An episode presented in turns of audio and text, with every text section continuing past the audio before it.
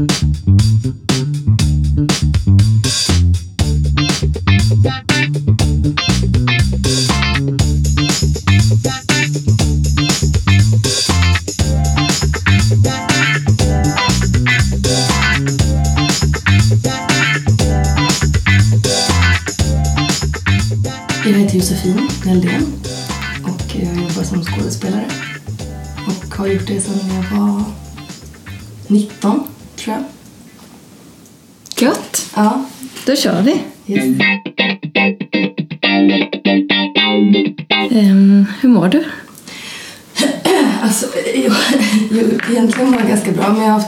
förkylning som jag har haft i typ sen vi hördes första gången och ställde in att vi skulle ses, så att eh, sen tre, fyra veckor tillbaka typ. Mm. Ja. Men den ger sig inte. Nej, jag känner inte. Och jag börjar känna mig ganska tärd, du vet, när man har... Hur är det att vara skådespelare och bli förkyld? Mm, ja, alltså... För du jobbar ju på en teater Ja, det gör jag ju. Och jag spelar föreställning liksom, nästan varje dag, på att säga. Men vi blir ju typ inte sjuka. Eller vi blir ju såklart sjuka. Jag är ju sjuk. Men jag kan liksom inte vara sjuk.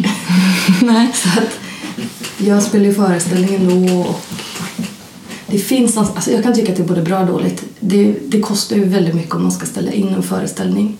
I vanliga fall, eller jag tänker så här, för jag har haft ett vanligt jobb så hade jag ju förmodligen sjukskrivit mig och varit hemma.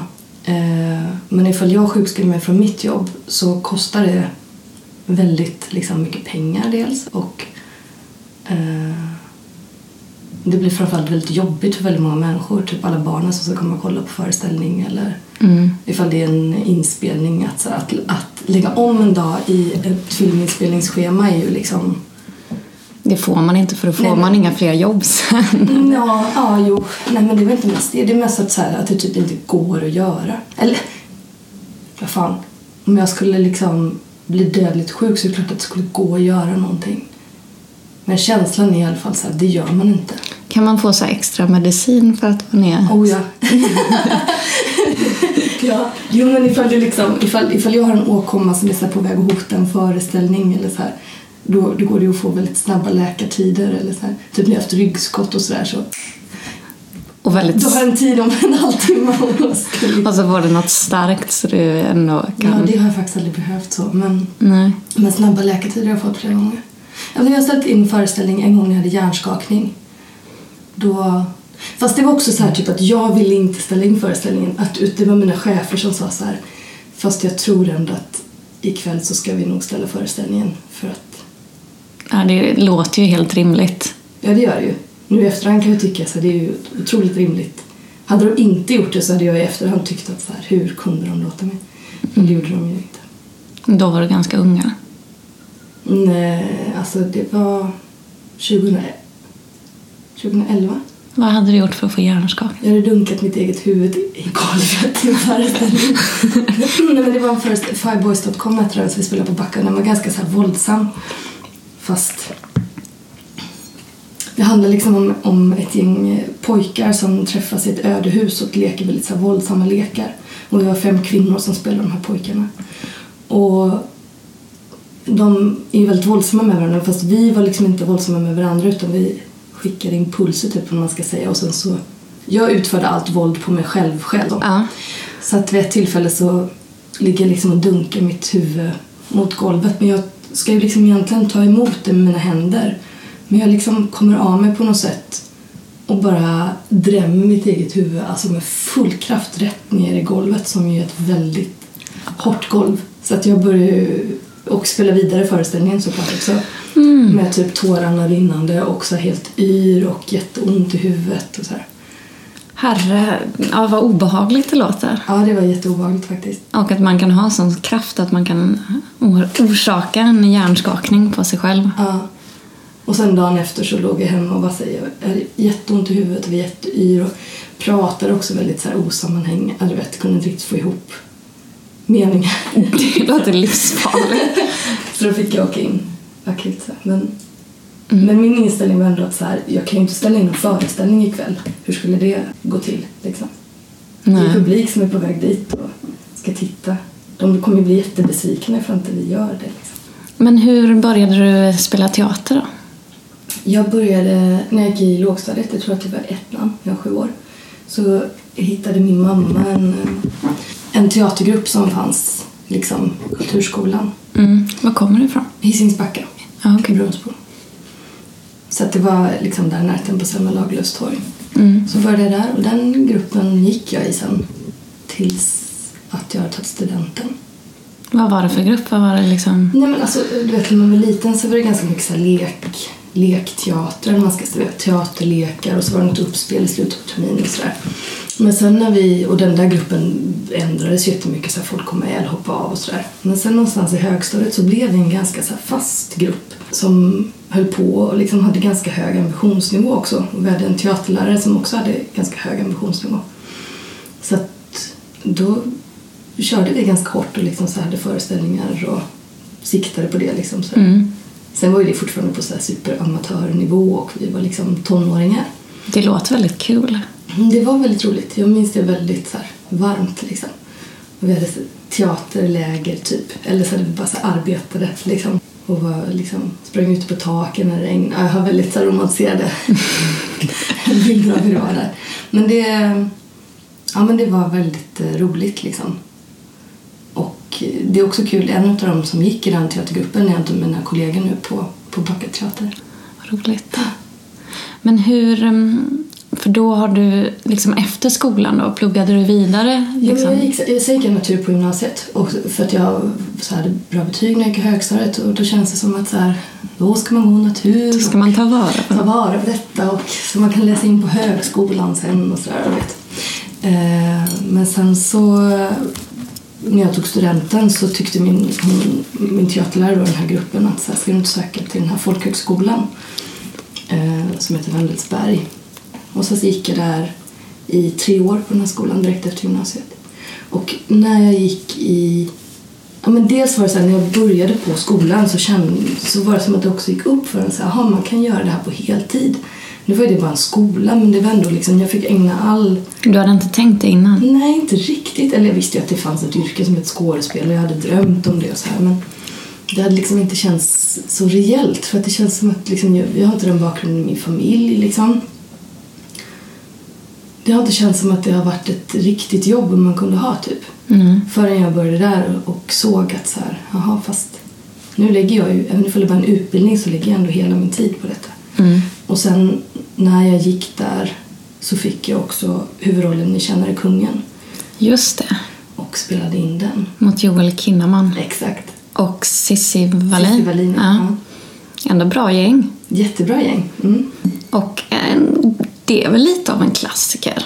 Ha, en ungdomsklassiker, kan man säga jag, det? jag blir fortfarande lika glad när jag ser på det. Och det roliga är, nu jobbar jag på en ungdomsteater, Mm. men det är så ofta som det kommer fram, framförallt tjejer till mig efteråt, och ofta med lite så här, du vet, lite färgat hår, lite så här punkare light. Mm.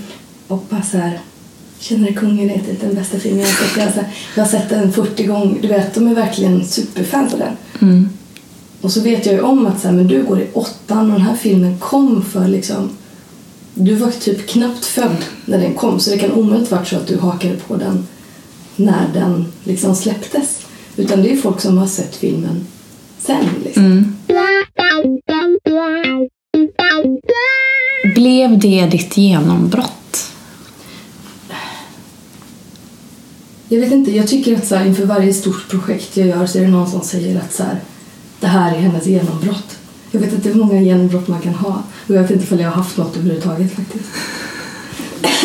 jag vet att då pratas det om så här, det här blir deras genombrott, så här, känn ingen sorg, det här blir deras genombrott. Vår tid är nu, det här blir, alltså Mm. det är en sån där sak som är så jävla lätt att säga. Men och blir det så kan man alltid säga så här, det var jag som, det var jag som kom på det. Och blir det inte så är det ändå ingen som kommer ihåg att du sa det och måste få ett svars för det. Men jag tycker att så här, allting jag har gjort, alla jobb jag har gjort har alltid liksom lett framåt. Typ. Mm. Men så att jag kan ju uppleva att saker, saker idag händer på grund av Känner kungen. Och då är ändå det 13 år sedan så vi filmade den liksom. Vad är roligast då? Liksom, eller vad är, det är kanske svårt att svara på, men vad är största skillnaden mellan teater och spela in sånt som ska hamna på serie eller tv eller film? Ja, men det är processen skulle jag säga som är liksom den stora skillnaden. Både i själva, alltså i stunden och i arbetet innan. På teater så har man ju liksom långa repperioder på Ja, just det, det är klart. åtta veckor liksom. Och film är väldigt sällan vi får möjlighet att repa. Ja, då, då ska ni bara komma och kunna? Ja, men det är faktiskt... Ja, Så du får Jag ett pratade med manus? kollegan nästan häromdagen. Han bara, "Visst är det helt sjukt att så här, det var Adam Lundgren faktiskt som är med i vår tid nu också. Är det inte märkligt att så här, när, du vet, när vi filmar då kommer vi ju så här, vi kan våran text och så ska man bara förväntas så här, gå in och liksom leverera något fantastiskt utan att man knappt ibland har träffat varandra innan. Men bara så här, alla kan sin text så typ är det lugnt. Men när vi är på teatern så behöver vi åtta veckor på oss att gå runt och vara så här, ska jag säga det så här? Eller ska jag säga det så här? Hur känner du? känner jag bara, jag är i en process här, jag, jag är inte färdig än på ett tag så här, men när vi filmar så har vi liksom några timmar på oss att så här, leverera det där. Sen är det helt olika grejer man gör, ja, jag vet inte. Men, men det är lustigt ändå att det, Att det är så olika. att det ena har så mycket tid och det andra har liksom så lite. Det känns också som det på ett annat sätt är slitigare att göra teater för då är det så här, det är föreställningar x antal dagar i veckan och det är repetitioner och så ska man gå upp och ska man leverera Mm. igen. Medan gör du en tv-serie då är- spelar man in den. Ja men det som är skönt med tv eller film är att, så här, det, att jag får lämna materialet sen. Mm. Eh, Det jag tycker kan vara så här slitigt med teater, förutom ifall det är perioder så här när man både repar och spelar. Typ att man repar 10 till 3 varje dag och sen är du ledig i tre timmar och sen ska du spela klockan sju på kvällen. Mm. Det är ju liksom, då har du så tre timmar på eftermiddagen att eventuellt hinna till förskolan, hämta ett barn och så här laga lite middag kanske innan du ska iväg och jobba igen. Gud vad det verkar krävande. Men, men det jag kan tycka är, framförallt är lite med teater är ifall jag är med i en produktion Alltså dels ifall jag är en produktion som jag känner att här, jag tycker inte om vad det här blev eller jag står inte för, för produktionen eller liksom regissören har gjort val som, som jag inte håller med om. Eller det kan vara en sån enkel sak som att så här, det finns en replik som jag inte har så här, fått, du vet, till på rätt sätt eller jag har inte hittat rätt ingång eller så här. Så att varje gång jag ska säga den så känns den lite onaturlig typ. Mm. För mig kan det, alltså att behöva säga en replik så här 40 gånger, det tycker jag kan vara så mer slitigt än att jobba så här en 12 timmars filminspelningsdag. Ja. ja, men jag tror... saker flyter på. Men just att så här återupprepa någonting som inte har blivit organiskt, det tycker Kan man inte säga till en regissör då bara det här funkar inte? Jo, Tycker, håller inte du med mig? Jo, jo, men jag har blivit bättre på det. Mm. Också för att jag har lärt mig. Alltså jag blir typ utbränd av ifall jag om jag gör någonting där det inte är så här organiskt. Det är som att du har en impuls i kroppen och sen så varenda dag så ska du så här jobba emot den. Det låter jättejobbigt. Det är superjobbigt. Så där har jag lärt mig att här, jag måste, även ifall det bara handlar om att så här, typ det här ordet känns det fel när jag säger det på det här sättet eller gör det här samtidigt. För det kan ju kännas så jävla futtigt och bara så, fan det är bara ett ord. Liksom, gå vidare och... Men jag måste så här jobba. Men hur mycket går man in i en roll då? Om vi ska gå upp på det. Nej, men jag, Nej, men om vi säger att, vad spelar du just nu? nu spelar jag en föreställning som heter Glängtan på Backa Teater. Mm. Som är inspirerad av boken Trädens hemliga liv. Som är en så här populärvetenskaplig bok som kom här om året. För vuxna liksom, som vi spelar för lågstadiet. Ja, okej. Men, Vad har du för karaktär? Ja, men det är liksom ingen riktig karaktär, det är något märkligt universum. Alltså boken handlar om hur träd kommunicerar med varandra genom så här rotsystem och feromoner i luften och så. Eh, och vi har gjort någon, någon knarkig grej om, så här, om en grupp människor som är vilse i en skog och vi skulle kunna vara träd och vi skulle kunna vara människor och vi skulle också kunna vara hela mänskligheten ungefär, typ. Så där är ju liksom ingen så här specifik karaktär. Och jag vet, väldigt, jag vet inte för jag tänker så så himla ofta heller. Nej. Att nu måste jag gå in i... Jag tror jag frågar för att du vet när man har läst någon skådis bara åh han levde med polisen i Denver för han skulle typ jag- spela den här rollen. Att så här, Jag tycker det där, för det finns, ja, jag tycker det är så jävla fånigt faktiskt. Jag vet jag läste ett tag, fan var det, Jared Leto tror jag det var, som spelade någonting där han typ så här skickade kulor hem till sina medspelare. Jag tar på sig ett halvår för att gå in i en roll. Jag tycker det är så jävla fånigt. Ja, det, det låter ganska löjligt. Men man har ju då som, som icke-skådis man har ju då tänkt att ah, det är nog så man behöver göra. Nej, det behöver man verkligen inte göra. Slog vi hål på den myten? Ja, eller han kanske behöver det, men då tänker jag att det verkar vara en jävla omväg alltså. Mm. Och också så här, vad ifall han nu behöver det, typ, alltså det var så helt sjuka grejer jag läste, men ifall han nu behöver känna så här, jag måste skicka kulor till någon med deras namn på och sådär. Vad, aha, då tänker han ju bara på sin process. Här, vad händer med den där personen som är mottagare av den där kulan? Som kanske jobbar på ett helt annat sätt. Hans process är ju så på bekostnad av någon annan då. Jag tycker bara det, det är också så väldigt romantiserande kring skådespeleriet tycker jag som yrke. Att det är liksom... Jag tycker ofta det är så man får den frågan att så här, att gå in i rollen och så här. Jag tycker att det, att det vi gör handlar om att så här, förhålla sig till en situation. Det finns ju en text och liksom massa bakgrundsresearch som man kan göra och liksom så här.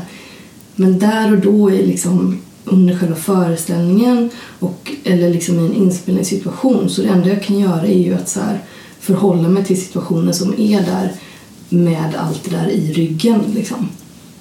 Att jag kan veta massa saker om, om hur, hur det här förhåller sig med liksom, jag kan ha gjort hur massvis med research här, men jag måste ändå förhålla mig till att så här, om min medspelare gör någonting eller alltså, Mm, det ja, händer men- i rummet liksom. Ja.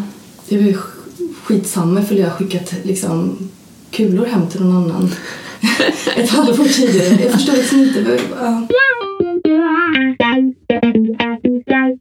Men på tal om roller så när jag har läst här om dig och den här senaste som man ser just nu på TV som Maggan i Vår tid nu eh, så läste jag någonstans att du själv typ mer eller mindre valde den rollen för du läste det, det, ja, det kanske inte riktigt stämmer. Nej, valde kan jag inte säga att jag gjorde. Nej. Men jag bad om att få provfilma för den. Mhm. Och det är något som... Varför och vilken roll provfilmade du för först? Eh, från början provfilmade jag för rollerna Lilly och Sonja som är två andra som jobbar på restaurangen. En, en i kallskänkan och en Är det Sonja som dejtar han eh, Sonja dejtar kökskillen? Kalle. Ja. Ja. Och Lilly spelar ju Maggans flickvän. Just det. Eller Lilly är... Karin från Skörlag spelar Lilly som är Maggans flickvän. Ja. Ehm, nej, men de två provfilmade jag för. Och kände väl så här också att, att vet, det var inte helt rätt liksom. Och så fick jag läsa, i samband med att jag skulle provfilma för dem där, så fick jag läsa eh, tre avsnitt. Och då när jag läste liksom vad som hände med Maggan så fick jag så här jag- såg det framför mig väldigt tydligt så här, hur jag skulle göra det och hur, hur det såg ut. Jag fick väldigt mycket bilder liksom. Och kände att så här, det är ju den personen jag ska provfilma för. Så här, de har satt mig på fel plats liksom. Fick du gehör för det direkt när du sa det? Alltså... Ja, men det var på min första provfilmning så, så sa jag att så här, och jag, jag tycker sånt här är jätte, jättejobbigt. Jag har väldigt svårt för att så här, höra av mig till castare eller säga att så här, jag vill. Jag tycker det är jättesvårt. Men så kände jag när jag satt där att så här, nej nu jävlar, jag hade sån jävla hjärtklappning. Men så sa jag ändå att så här, det finns någon möjlighet att få provfilma för någon av de andra karaktärerna. Så här. Och hon som castar så här, Stockholms... Ja, vad tänker du nu då? Så här. Vill du ha alla rollerna eller? Så jag fick ännu mer hjärtklappning. Och så bara, nej, nej, nej, absolut inte, det är inte det. Det är bara det att eh, när jag läste eh, så, så var det en annan som jag fick väldigt mycket. Så, så att, nej, men jag fastnade väldigt mycket för den här karaktären. Och så frågade hon mig varför och så fick jag liksom förklara lite om vad det var jag hade fastnat för typ. Vad var det då? Nej, men jag tror att det var väldigt mycket... Hon har ju ett barn som bor på annat håll. Och jag tror att det var väldigt mycket det som jag Att du som mamma, som, för du har också ett barn. Ja, ja, precis. Jag har en dotter som snart är tre. Och hon var nästan ett då, tror jag.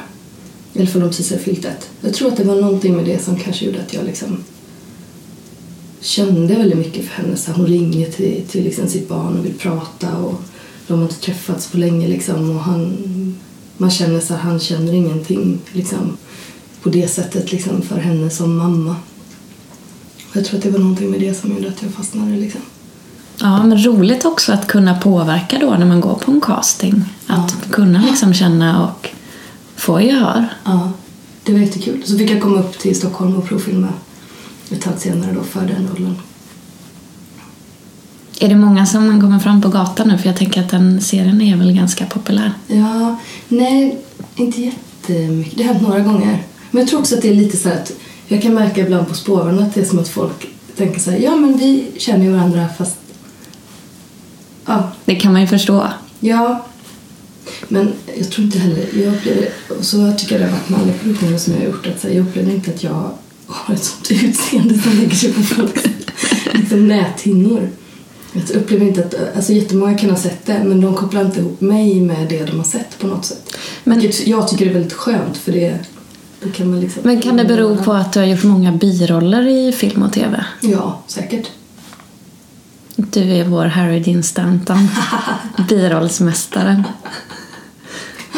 Men jag, jag tycker som, som vanlig, som liksom normalkonsument av film och tv så, så är det ju alltid samma människor. Det är ju alltid Adam Lundgren som spelar huvudrollen eller han Adam Paul, eller Paul, Paulsson, vad är det han heter? Aron Paulsson. Sen tror ju alla att, att de är samma också, av någon konstig anledning. Ja, men det är ju, känns ju som att de så här turas om bara, ah, vem ska spela Björn Borg? Och så är det typ han Sverrir ibland, han får ta dem lite äldre. Ja, han fick spela Björn Borg, bara nu ska vi ha Ted Gärdestad. Ja, men då, fan han spelar ju Håkan, så vi får ta den andra killen typ. Att det känns, och när det, men när det gäller kvinnor så kanske det är lite mer variation än när jag, när jag tänker efter. Men det, är, det känns ju som att det är en liten kärna. Jo, Och du ingår ju lite i den nu. jag vet inte om jag gör det. Jag känner alltid som att jag står lite utanför den där kärnan. Men det... För jag tycker så fort det kommer en ny produktion så känns det som du är med. Äsch. Vad har du för drömroll då? Det är, det är väldigt sällan som jag känner att jag har så här, några drömroller. Att så här, Åh, det här skulle jag verkligen... Här, jag vill göra Julia. Så där har jag liksom typ aldrig känt. Men i morse så fick jag ett väldigt fint sms från Susanne Reuter. Och då kände jag, och det har jag känt många gånger innan, att så här, åh, en drömroll. Det skulle vara att få spela in typ någon humorgrej med Susanne Reuter och Ulla Skog. Det är väl en fantastisk dröm? Ja, och det var inget som, som alltså uppstod i morse för att jag fick ett sms av henne. Det var som att de skrev ett roligt skämt och du bara... Men, nej. Vad skrev hon då? nej men hon, skrev, hon hade sett... ehm, hon skrev ett väldigt fint sms om, om, om mitt jobb i, i Vår tid nu. Som jag blev väldigt glad för. Blir man kompisar med dem i liksom, crewet ofta? Ja, ja, det blir man. Men just hon och jag har ju inte haft så jättemycket, liksom, vi har inte spelat så mycket tillsammans eftersom min karaktär liksom jobbar i restaurangen och hon, eller hennes karaktär, äger restaurangen. Så vi har inte haft så mycket liksom, med varandra att göra, men, förutom att vi har liksom träffats bakom sådär. Mm. Men absolut, men nu, de här människorna har jag jobbat med i ett och ett halvt år nu för att liksom spela in den här serien. Vi har spelat in två säsonger. Ja, just det. Så att eh, det har ju absolut blivit vänner liksom. Inte alla, men många. Och sen är det också med, sen med filminspelning, men det finns ju många jag jobbar med på den här produktionen som till exempel var med när vi spelade in Känner kungen? Så att folk går ju igen liksom. Och Mm. det är samma människor man träffar på olika arbetssituationer. och det är ju som alla yrken, typ. Mm. Att det är ett gäng Ja. som gör det. Så. I alla fall ifall det är frilans, alltså mycket rullians i liksom vad det är. Men du är fast anställd på Backa? Nej, gud nej. Du är inte det? nej. Hur funkar det då? Du liksom... Man, man ansöker roller när de ska sätta upp. Nej, alltså jag har haft... Just på Backa har jag haft liksom olika sorters kontrakt. Jag har haft något pjäskontrakt, så jag har haft korttidskontrakt och långtidskontrakt och sådär. Eh, och så har de förnyats liksom. Eh, men alltså fastanställningar, det finns otroligt få fastanställningar i vår bransch. På något sätt räknar jag med att så här, det kommer aldrig hända i mitt liksom, yrkesliv att jag kommer bli erbjuden. Är som journalist då? Ja, men det är precis samma sak. Jag kommer ihåg när Emmy Rasper blev fastanställd för några år sedan typ. Mm. Man känner så här, jag kan egentligen att det är samma sak. Ja, ja, men det är ju... Herregud. Det känns ju som så här gräddan, gräddan också. Att alla som får en fastanställning är ju väldigt, väldigt duktiga. Mm. Eh, Nu, är- nu, nu pratar jag bara utifrån mig själv att jag kommer aldrig bli den duktigaste journalisten. Varför skulle du inte kunna bli det? Jag bryr mig för mycket om min egen fritid tror jag. Ah, okej. Att jag är liksom en sån, en sån som eh, tycker om att jobba men jag tycker också att typ livet är alltid lite viktigare. Ja, men jag förstår vad du menar. Så att- tycker jag också. Ja, att jag liksom inser att jag kommer aldrig mä- kunna mäta mig med de här personerna Nej. för att jag kommer aldrig sitta kvar längst. Nej. Jag kommer liksom... Jag kommer alltid antagligen gå en kvart för tidigt för att jag känner att jag har ångest att jag måste gå till dagis eller att jag typ tycker det är viktigt att träffa en kompis eller vad Men sörjer du då att det där liksom... Nej, jag har, är... jag har nog börjat, i och med den här podden, har jag börjat eh, liksom vända på det. Att jag nu mer så känner lite som när man gick i skolan. Att så här, jag kan jobba med något tråkigt, men får jag göra det här på fritiden, då är jag nöjd. För det är jättekul. Jag får vara kreativ. Jag får göra precis det jag drömt om som journalist. Och jag får tjäna pengar på annat sätt. Mm. Men jag behöver liksom inte döda mig själv. Eller, jag vet inte. Men har du alltid känt så eller har det kommit i och med att du fick ditt barn? Nej, jag har nog alltid prioriterat fritiden. men, men, men nu är jag så gammal så nu var du vet att man bara börjar gå upp för en lite att det inte är ett misslyckande, att det inte blir den där. Bara man hittar något sätt att göra det så man är en glad person. För det känns ju viktigt när man har barn. jag. Men, men känner du att det är en annan grej att liksom jobba som, som skådespelare när man har blivit mamma eller skaffat barn? Jo, men det tycker jag. Jag upplevde framförallt det liksom när jag kom tillbaka efter föräldraledigheten till, till Backa då.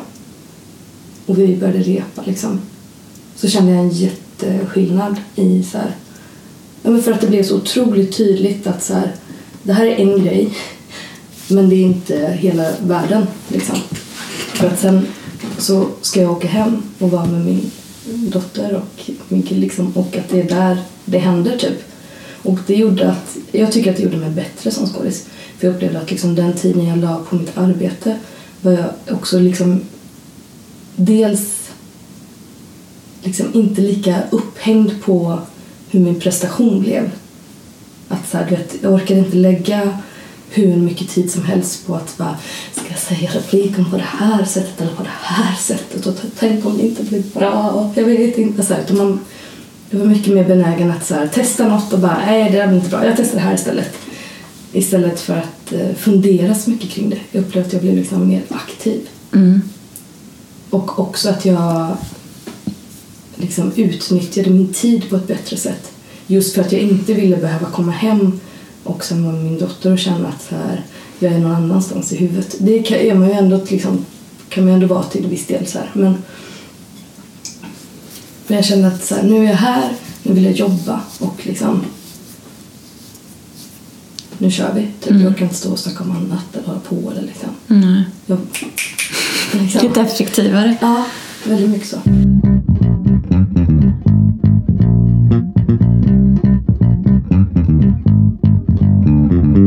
Det är ju ändå eh, den här metoo-kampanjen just nu och det här uppropet från kvinnliga skådespelare. Och då undrar man ju om du är, eller utgår ifrån att du är en av dem.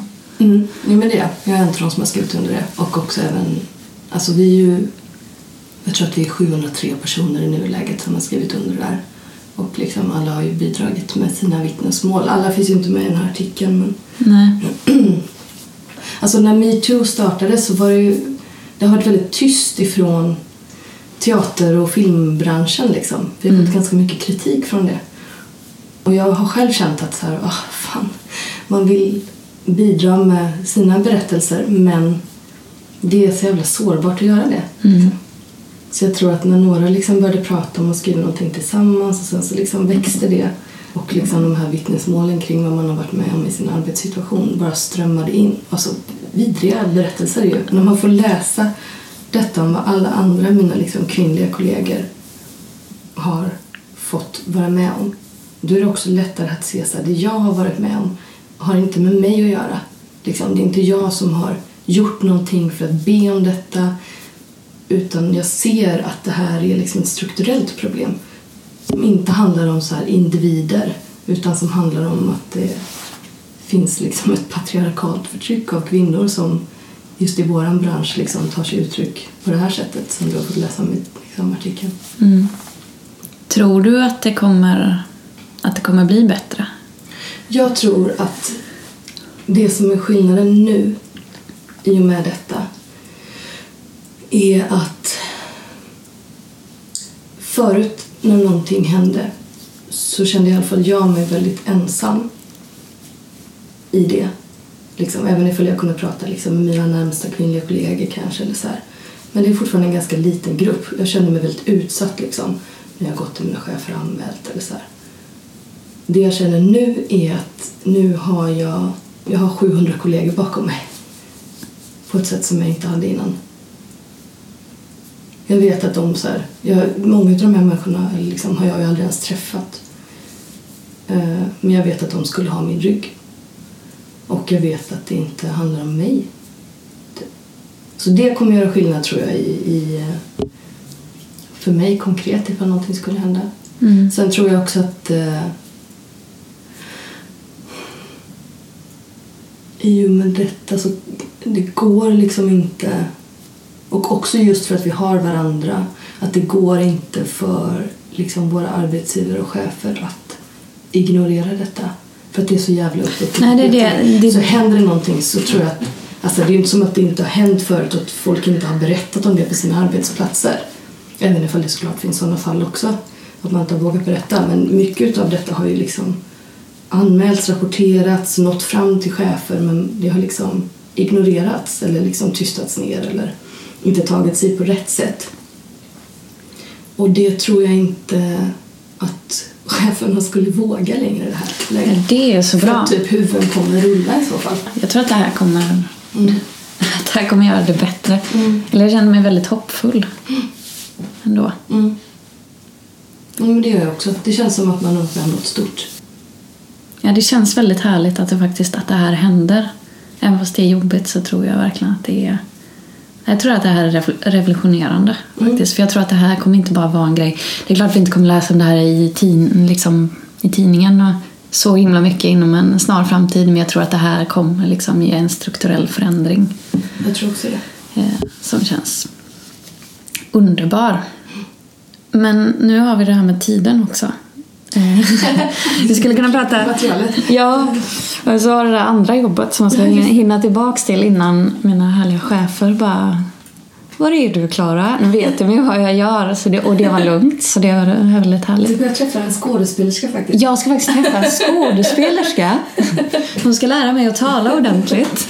Jag ska fråga... Jag helt fel. Jag har så jag kan inte... Nej just det, nu pratar inte så här. Jag pratar inte. Um, Just det, scenskolan. Ja, skit i det. Jag mm. tänker att vi ska prata om Göteborg. Mm. Eh, och eh, liksom alla andra personer jag har träffat så frågar jag om en favoritplats mm. i staden med omnejd. Eh, så jag tänker, vilken är din? Ja, men typ den första platsen som dök upp i mitt huvud när du skrev detta eh, om en favoritplats i Göteborg. Det var ju nakenbadet på Saltholmen. Åh, denna underbara plats! Alltså jag älskar den. Nu har jag bara varit på avdelningen för kvinnor så att jag kan inte uttala mig om här eller mixavdelningen. Men jag tycker att det är typ, alltså, den bästa platsen i Göteborg.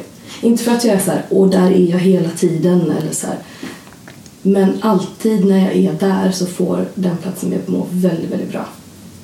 Jag kan jag kan bara, jag kan bara skriva under. är du medlem? Har du Nej. årskort? Nej, det har jag inte. Nej. Jag var på väg att köpa det flera gånger men jag, det har liksom inte blivit. Men, ähm, ja, men jag tycker, ja, dels för att det är jävligt gött att vara naken. Mm. ja, men det är det. men också för att det är en sån plats där, alltså det, jag tycker det har varit så befriande att så här, befinna mig bland liksom, alla dessa nakna kvinnokroppar som har så här, alla former, färger, storlekar åldrar. Ja. Det gör att jag känner mig så mentalt väldigt fri när jag är där. Jag har varit där ganska många gånger med min dotter faktiskt. Har du det? Eh, De har ju som en liten, liten strand. Ja, ja. Så vi åkte dit nu efter dagis i höstas när det var fint. Och jag har nog aldrig varit och badat någonstans och känt mig så trygg. Nej. Det är bara en kvinna. Ja. Och hon och jag, alla är nakna. Mm. Det, är det är underbart. Så jag tycker också det är väldigt skönt att ligga där och lyssna på så här Göteborgskötet hos vissa av de här tanterna. Ja, ja. Det är ju riktiga gubb, gubbkärringar. liksom. Ja, var du i morse? Så här, du var inte här. Jag tog en plats till dig. Liksom. Men det är ju stammisställe deluxe. Men, men just det där med kropp och sådär. Jag tänker i ditt yrke, liksom, känner du höga krav på att man ska ha en viss Mm. Alltså, svår fråga. Jag känner att det finns mycket bilder av så här, vad en bra citationstecken eh, kvinnokropp är. Liksom. Men det tänker jag att det upplever vi alla kvinnor för att det är, liksom, det är de bilderna vi ofta ser. Men sen upplever jag... Alltså jag försöker göra ett väldigt aktivt arbete bort från detta. Att så här, Typ när jag spelar in nakenscener att så här, jag anstränger mig för att inte gå runt och så här, dra in min kropp eller anpassa eller be om så här underkläder som ska få mig att se smalare ut eller så här, när mina karaktärer äter så jag försöker alltid se till att de äter som människor gör Ja. och inte så här är små i mat, ja, försiktiga utan så här vilket också innebär att jag ofta får äta väldiga mängder saker. Så man ska ta allt det. väldigt många gånger. Men eh, ja, jag har ett litet så här, privat så har jag hår under armarna, liksom jag rakar inte bort det. Och det försöker jag alltid se till att mina karaktärer har. Eh,